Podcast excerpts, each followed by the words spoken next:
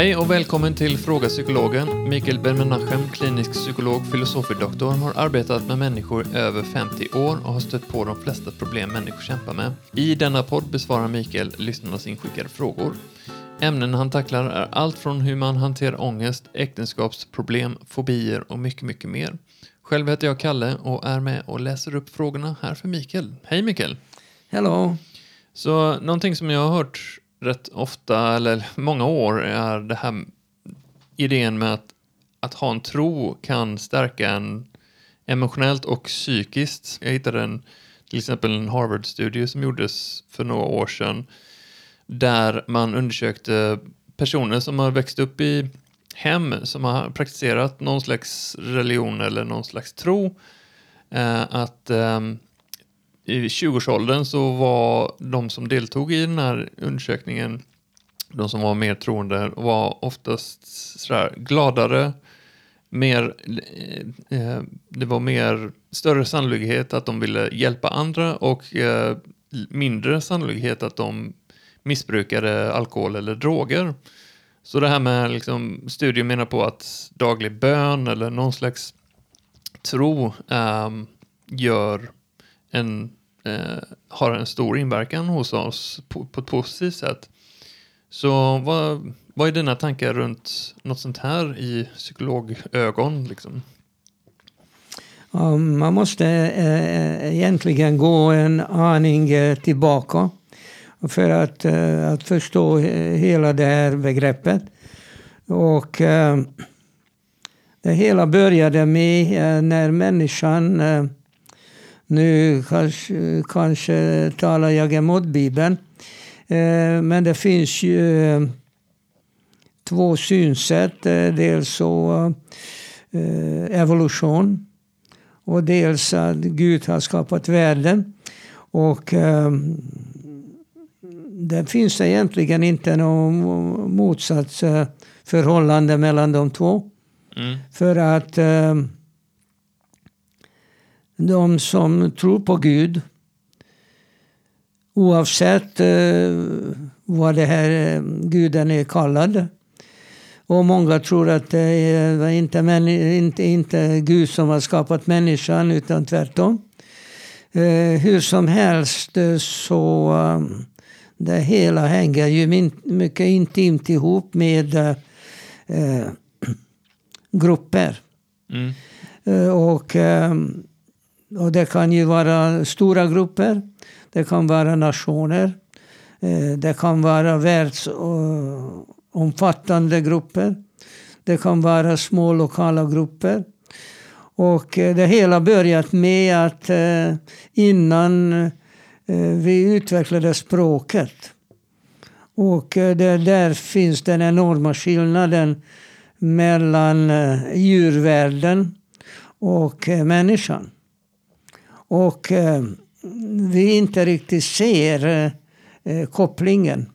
För att det finns ju ett hopp mellan det som det mest högstående djur klarar av och det som människan klarar av. Mm. Och framförallt så um, det finns inget, inget djur som uh, har ett språk. Mm. Uh, och uh, språket har gjort det mycket lättare för oss människor att kommunicera.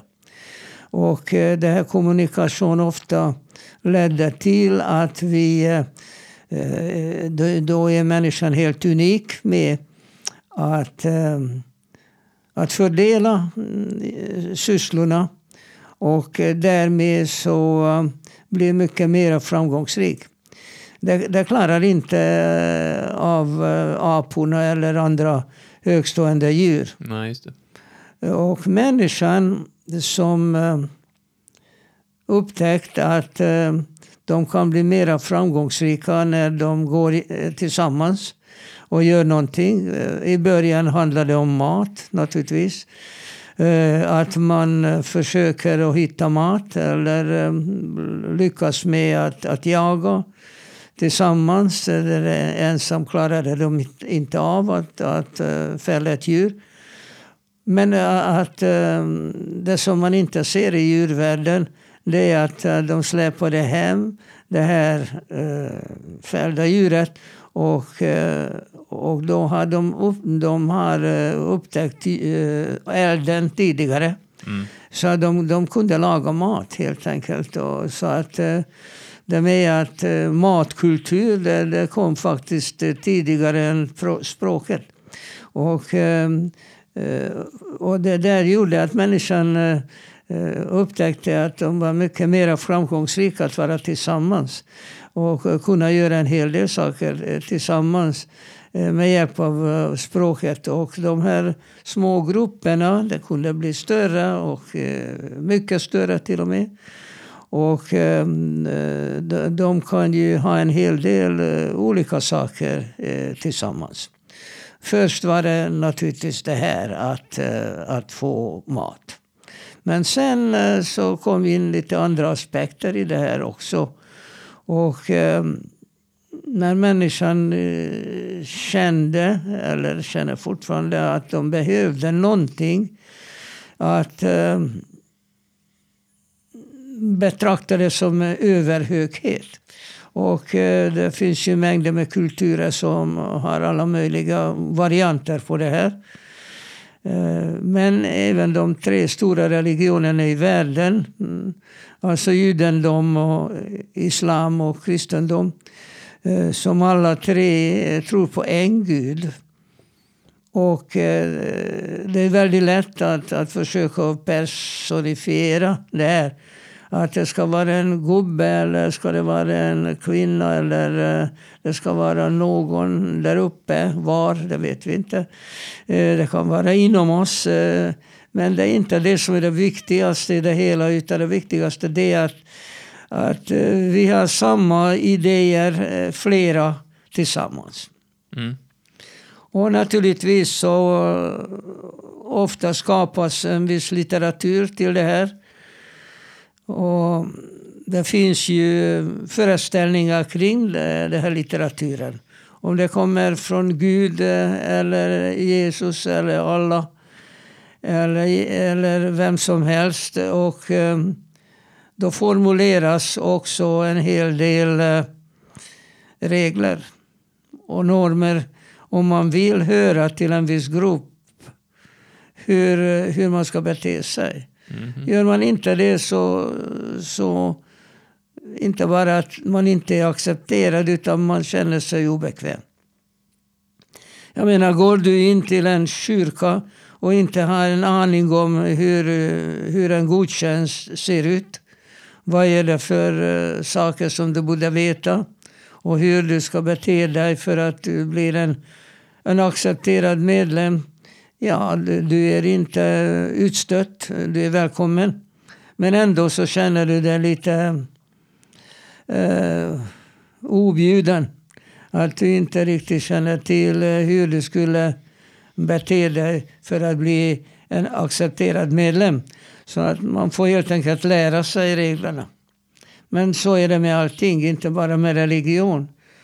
Hör du till en fotbollsklubb eller fotbollslag då, då, då måste du acceptera att det är elva, eh, som, eh, elva spelare som utgör ett lag.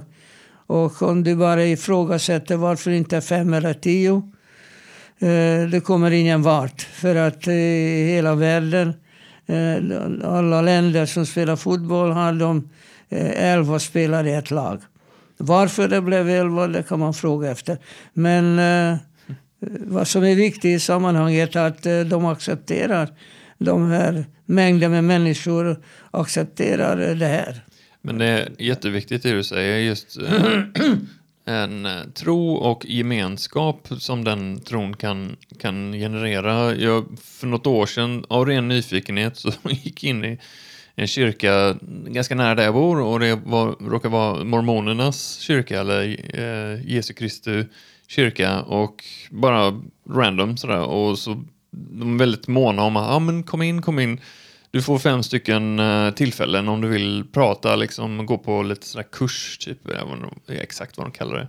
Men det var väldigt trevligt sådär, jag fick liksom lite insyn hur de har det och deras, deras eh, gemenskap och, och, och som är baserat runt tron på Jesus. Nu höll jag inte med om allting, eh, hur, vad de tror på, men jag kände väldigt den här starka gemenskap som de hade som nästan inte finns i den sekulariserade moderna världen annars. Eh, väldigt svårt att hitta det. Mm, Bra exempel du tog upp med just fotbollssupportrar, det är ett exempel på en slags gemenskap sådär. Men annars, eh, s- men just sån typ av gemenskap är ju jätteviktigt för eh, välmåendet och framförallt psykiska tänker jag. Men eh, då betyder det helt enkelt att eh, man eh, accepterar de här rollerna, accepterar synsättet, accepterar tron.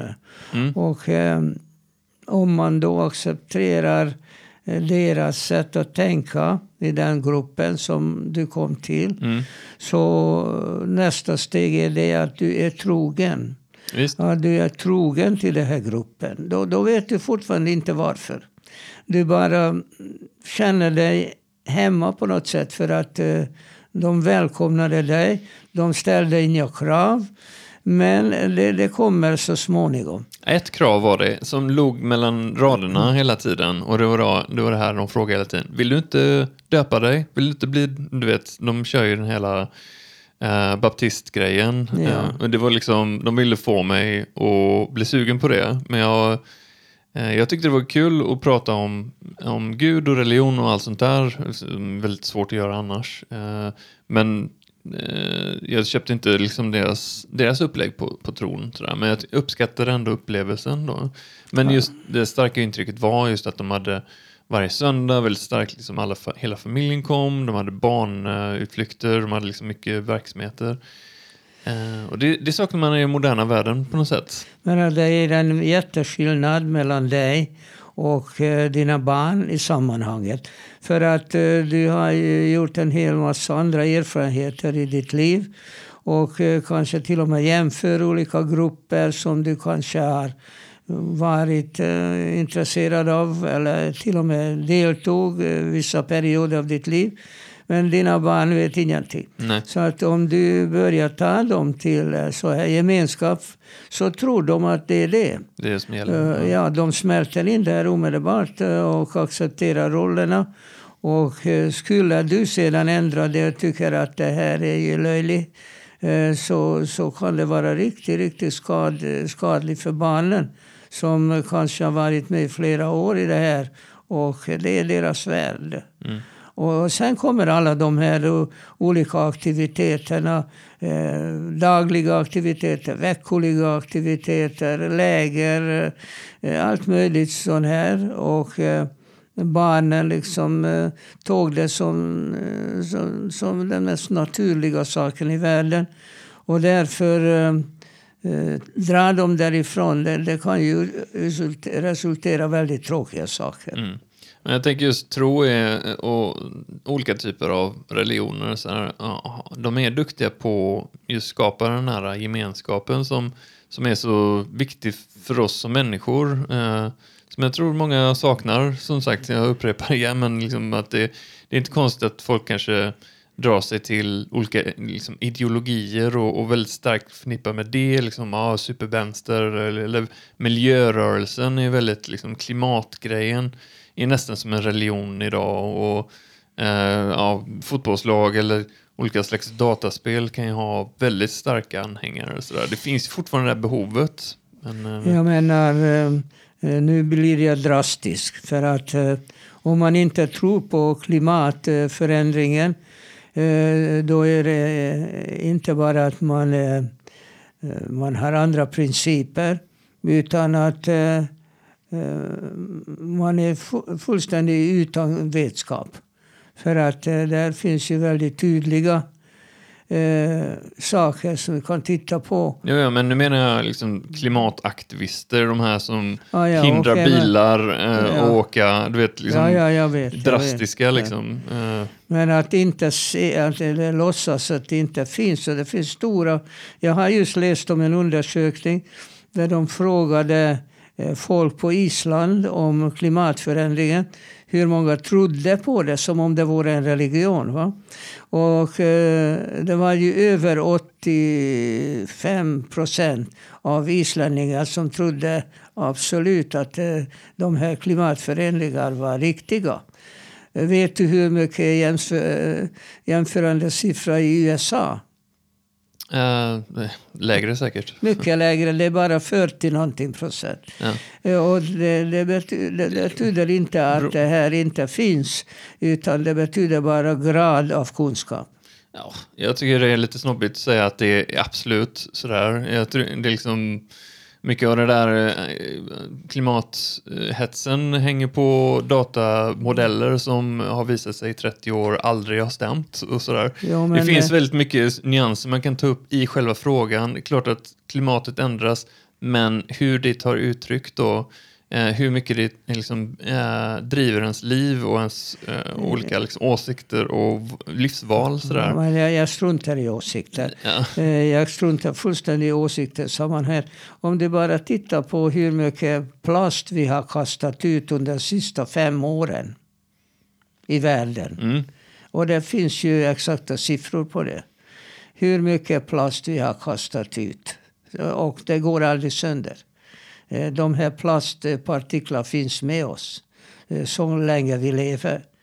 Och så länge människorna lever, de här plastartiklarna går inte sönder.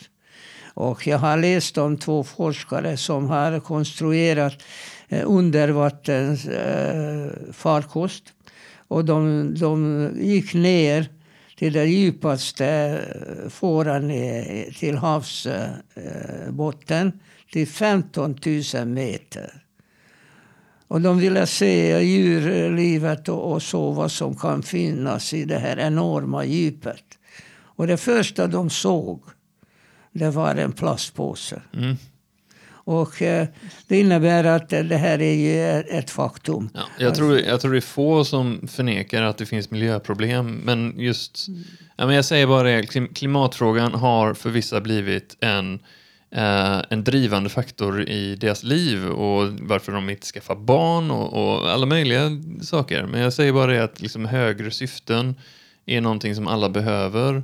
Och när eh, till exempel tro på någon Gud eller vad som helst, när det inte finns på, på bordet, liksom, som är rätt mycket i vårt samhälle, så kommer det vakuumet fyllas med någonting annat. Ja, men alltså själva jämförelsen haltar lite grann för att det här är ju intresse eh, gemenskap eh, som kan ju vara världsomfattande. Och du talar om eh, en sorts eh, trossamfund. Där eh, en viss grupp eh, har en, eh, en viss typ av tro. Och den här tron kan vara i princip vad som helst. Men att, att den här gruppen följer det här regelverket som hänger ihop med den här tron. Mm. Och det är det som är ett stort problem med dagens religioner. En hel del religioner Eh, jag tror att eh, det är det största problemet. Att de tycker att eh, en hel del människor tycker att det är så jobbigt att acceptera ett regelverk. Och till exempel i islam och i judendomen, det finns ju bestämda tider för, god, för bön varje dag. Just det. Och eh, i judendomen finns det tre sådana bönestunder och i islam eh, finns fyra. Och eh, man ska hålla dem. Vill man höra till den gruppen eh, eller är man född i den gruppen och som barn följer det här från födseln så eh, det här är regelverk. Och när man försöker eh, snacka bort det här regelverket då faller det hela sönder. Och det är inte förintet att i Skottland så nästan alla kyrkor är eh, till salu. Mm. Och även i Sverige vi har stora problem med att eh, samla folk till kyrkorna. Mm. Och så att eh, ofta det här innebär ju ett eh, rätt så ordentligt engagemang Och det är inte bara att jag går dit och så hänger jag med lite grann. Utan det finns ju ett uttalat eller in, icke uttalat krav. Men att, att man ska bete sig på ett visst sätt. Om det då sedan eh, står på Bibelns grund eller Koranens grund må vara osagt. Men äh, regelverk äh, ingår i priset. Det, det, går inte utan. Alltså den här gruppen måste ha sina regler. Det måste ha sitt sätt. Äh, att vad det duger inte med att säga jag har min Gud, jag behöver inte någon grupp. Ja, det går bra. Men det blir inget gemenskap av det. Mm. Och eh, ett barn som, som växer upp i ett så här Ehm, eh, familj eh, där föräldrarna säger att det här är dumheter med religion. Eh, ja, man kan ju kanske ha någon gud någonstans men eh, det här är, vi vill inte höra någonstans. Eh, det går bra. Men barnen får inte det här regelverket. Och eh, för en halvtimme sen, vi har en liten hund här eller hur? Mm. Och eh, det är inte min hund, jag är hundvakt med min dotter. Mm. Och det här eh, valpen är bara fyra månader gammal och inte vet mycket. Utan du, Kalle, du hade lite problem med att få henne ner till vår inspelningsstudio. Mm. Och, men så, andra gången så, så kom hon ner själv. Och eh, jag vet inte om du har noterat att uh, hon var lite osäker på var hon ska vara. Mm. Men så hoppade hon upp på soffan här och lade sig. Mm. Men jag observerade henne, vad hon gjorde där. Och efter att hon lekte med en, en, en filt lite, så hon ville liksom vila. Mm. Och då kommer det intressanta. Att uh, hon vilade inte var som helst på soffan. Nej. Eh, I för, först lade hon sig i mitten. Men efter några minuter så märkte jag att hon var i, i hörnet. Mm, Alldeles vid, eh, vid armstödet. Och det visar både djur och människor vill känna sig trygga. Mm. För att från början i mammas mage, eh, man kan ju tro att det är en så tråkig eh, miljö, det händer inte mycket. Men en sak är viktig, de kände sig med all sannolikhet trygga. Mm. För att gränserna var så tydliga. Och därför den här lilla valpen sökte sig där hon kände fysiskt eh, alla eh, liksom begränsningarna. Att det, det, är armstödet och det är ryggstödet och eh, här ligger jag. Och mera tryggt kan jag inte skapa i just den här rådande situationen. Och så gör småbarn också. Du, kan, då du har själv barn, du vet att när de var små så kunde man lägga bebisen mitt på eh, eh, spjälsängen. Så hon kämpade sig till, eh, till kanterna. Och där somnade de. Mm. Aldrig i mitten. Mm. För det, det, det, det, är ett mycket välkänt faktum. Mm. Och det innebär att eh, det är precis vad religionerna ger människan. Just det här regelverket och gemenskapen. Att eh, du gör det här inte ensam. För att ensam gudstro må vara. Men det ger inte samma trygghet. Än ni är 20, 30, 50 eller 5 000 miljoner människor som gör det. Att det är det som gör ett trygghet. Att du inte känner dig ensam. Att du hör till ett gemenskap. Det är jätteviktigt tror jag.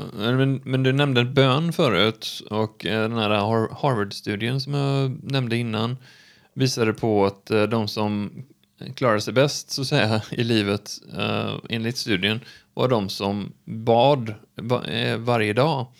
Och det, man kan göra det till en, liksom, förvandla det där till en, en icke-religiös och icke-troende eh, variant av det. Och att, jag tänker just det här eh, stillheten man ger sig själv varje dag och kanske bara blicka inåt en stund. För mycket av våra liv handlar om att göra och fixa logistik och eh, det här praktiska. Liksom. Men just... om, om du går in till en kyrka eller till en synagoga eller till en moské så märker du att en gudstjänst börjar aldrig med predikan. Just det.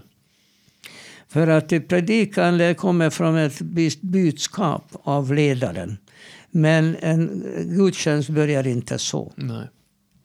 En gudstjänst måste börja med någonting som gör en tydlig skiljelinje mellan ute och här inne. Mm. Och du kanske var ute och körde bil och det var jobbigt i trafiken och du, du svor och eh, kämpade. Eh, eh, orolig att inte hinner i tid och allt möjligt. Och sen plötsligt så befinner du dig i ett mycket begränsat område. Ett ställe där det inte längre finns eh, trafik, inte längre finns medtrafikanter, inte längre finns idioter som kör, fel. Va? Mm. Utan det är tyst. Och så gör man någonting mycket hypnotiskt. Mm. Och för att åstadkomma en sorts eh, vila för hjärnan så krävs en viss rytmik. Eh, För att om du inför något rytmiskt i det här sammanhanget. Säger vi du är tillsammans med 20 människor. Ni har kommit in till det här moskén eller synagogan eller eh, spelar ingen roll vad är det för bönehus. Mm. Eh, Det här är en annan miljö. Och den här miljön eh, har ju också sina regler. Och just de här reglerna från början av en gudstjänst är att göra något rytmiskt. Och det gör de olika religionerna på olika sätt. Det vanligaste är att man använder en mantra. En mantra kan ju vara vad som helst. Ett ljud, eh, en mening, ett ord eh, som man upprepar. I Afrika eh, använder de rätt ofta trummor. Att de ger det här rytmen med en trumma. Och det kan du göra också med upprepade ord. Om du vill titta på det här jude och kristna eh, världen så använd psalmer. Mhm. Eh, psalmer eh, har en hypnotisk effekt. Och inte bara vad de innehåller, för att ofta är innehållet eh, är, eh, rätt så eh, för, förutbestämt. Att, eh, att man ska vara en bättre människa, eh, att man eh, ska tro på Gud och liknande. Eh, Det är inte det som är viktigt. Vad som är viktigt är att det är en rytmisk eh, upprepning. Och eh, det, det här rytmiska upprepningen, om det sedan kopplas till musik, ännu bättre. Mm. Och eh, jag har varit i många kyrkor i mina föreläsningar. Och de alltid eh, frågat mig om, om jag har någonting emot i en kyrka om de börjar med en psalm innan jag ska föreläsa. Och jag säger absolut, det är jättebra, det, det vill jag göra. Och då sjunger de. Och då sjunger de den psalmen som ofta och bör ha många verser eh, och strofer. Och eh, då kommer man i en helt annan mental miljö. Mm. För att den blockerar hjärnans eh, många eh, aktiviteter. Eh, man mår helt enkelt eh, eh, lite nollställd och mera öppen för eh, en, ett budskap kanske som kommer med predikan till exempel. Ja, det är just att man sjunger tillsammans Ja. med hela församlingen är väldigt mäktigt också. Ännu bättre om de kan de här sångerna, Ja. om de här psalmerna. Och det är helt underbart att varje kyrkan eller flesta kan de här psalmerna. Ja.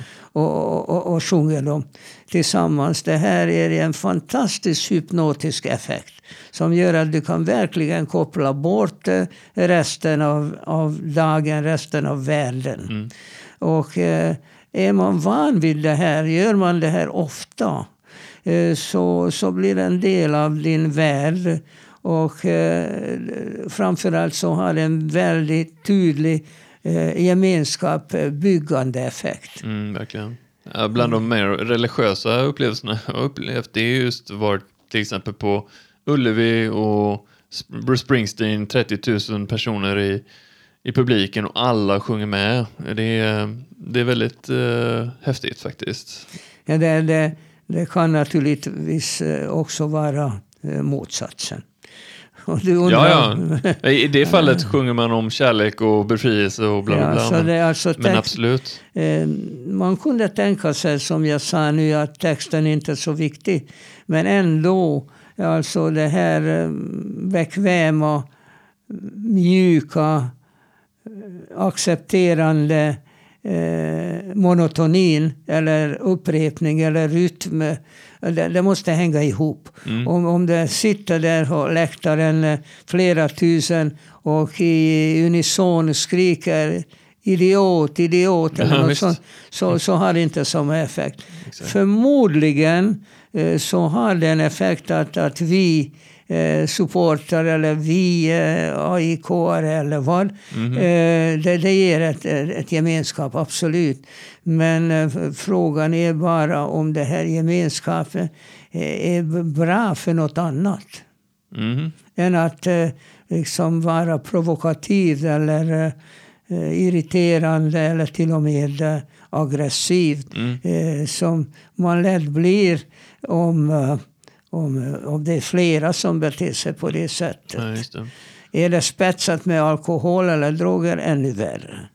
Det är därför stora konserter eller konserter överhuvudtaget är lite mer eh, sådär, en samling av folk som, är, som på något sätt fokuserar på samma sak eh, där de inte är emot någonting. Till exempel en fotbollsmatch är ju vårt lag mot ditt lag men i, i en konsert så är man ju, sjunger man eller lyssnar man tillsammans på en och samma sak.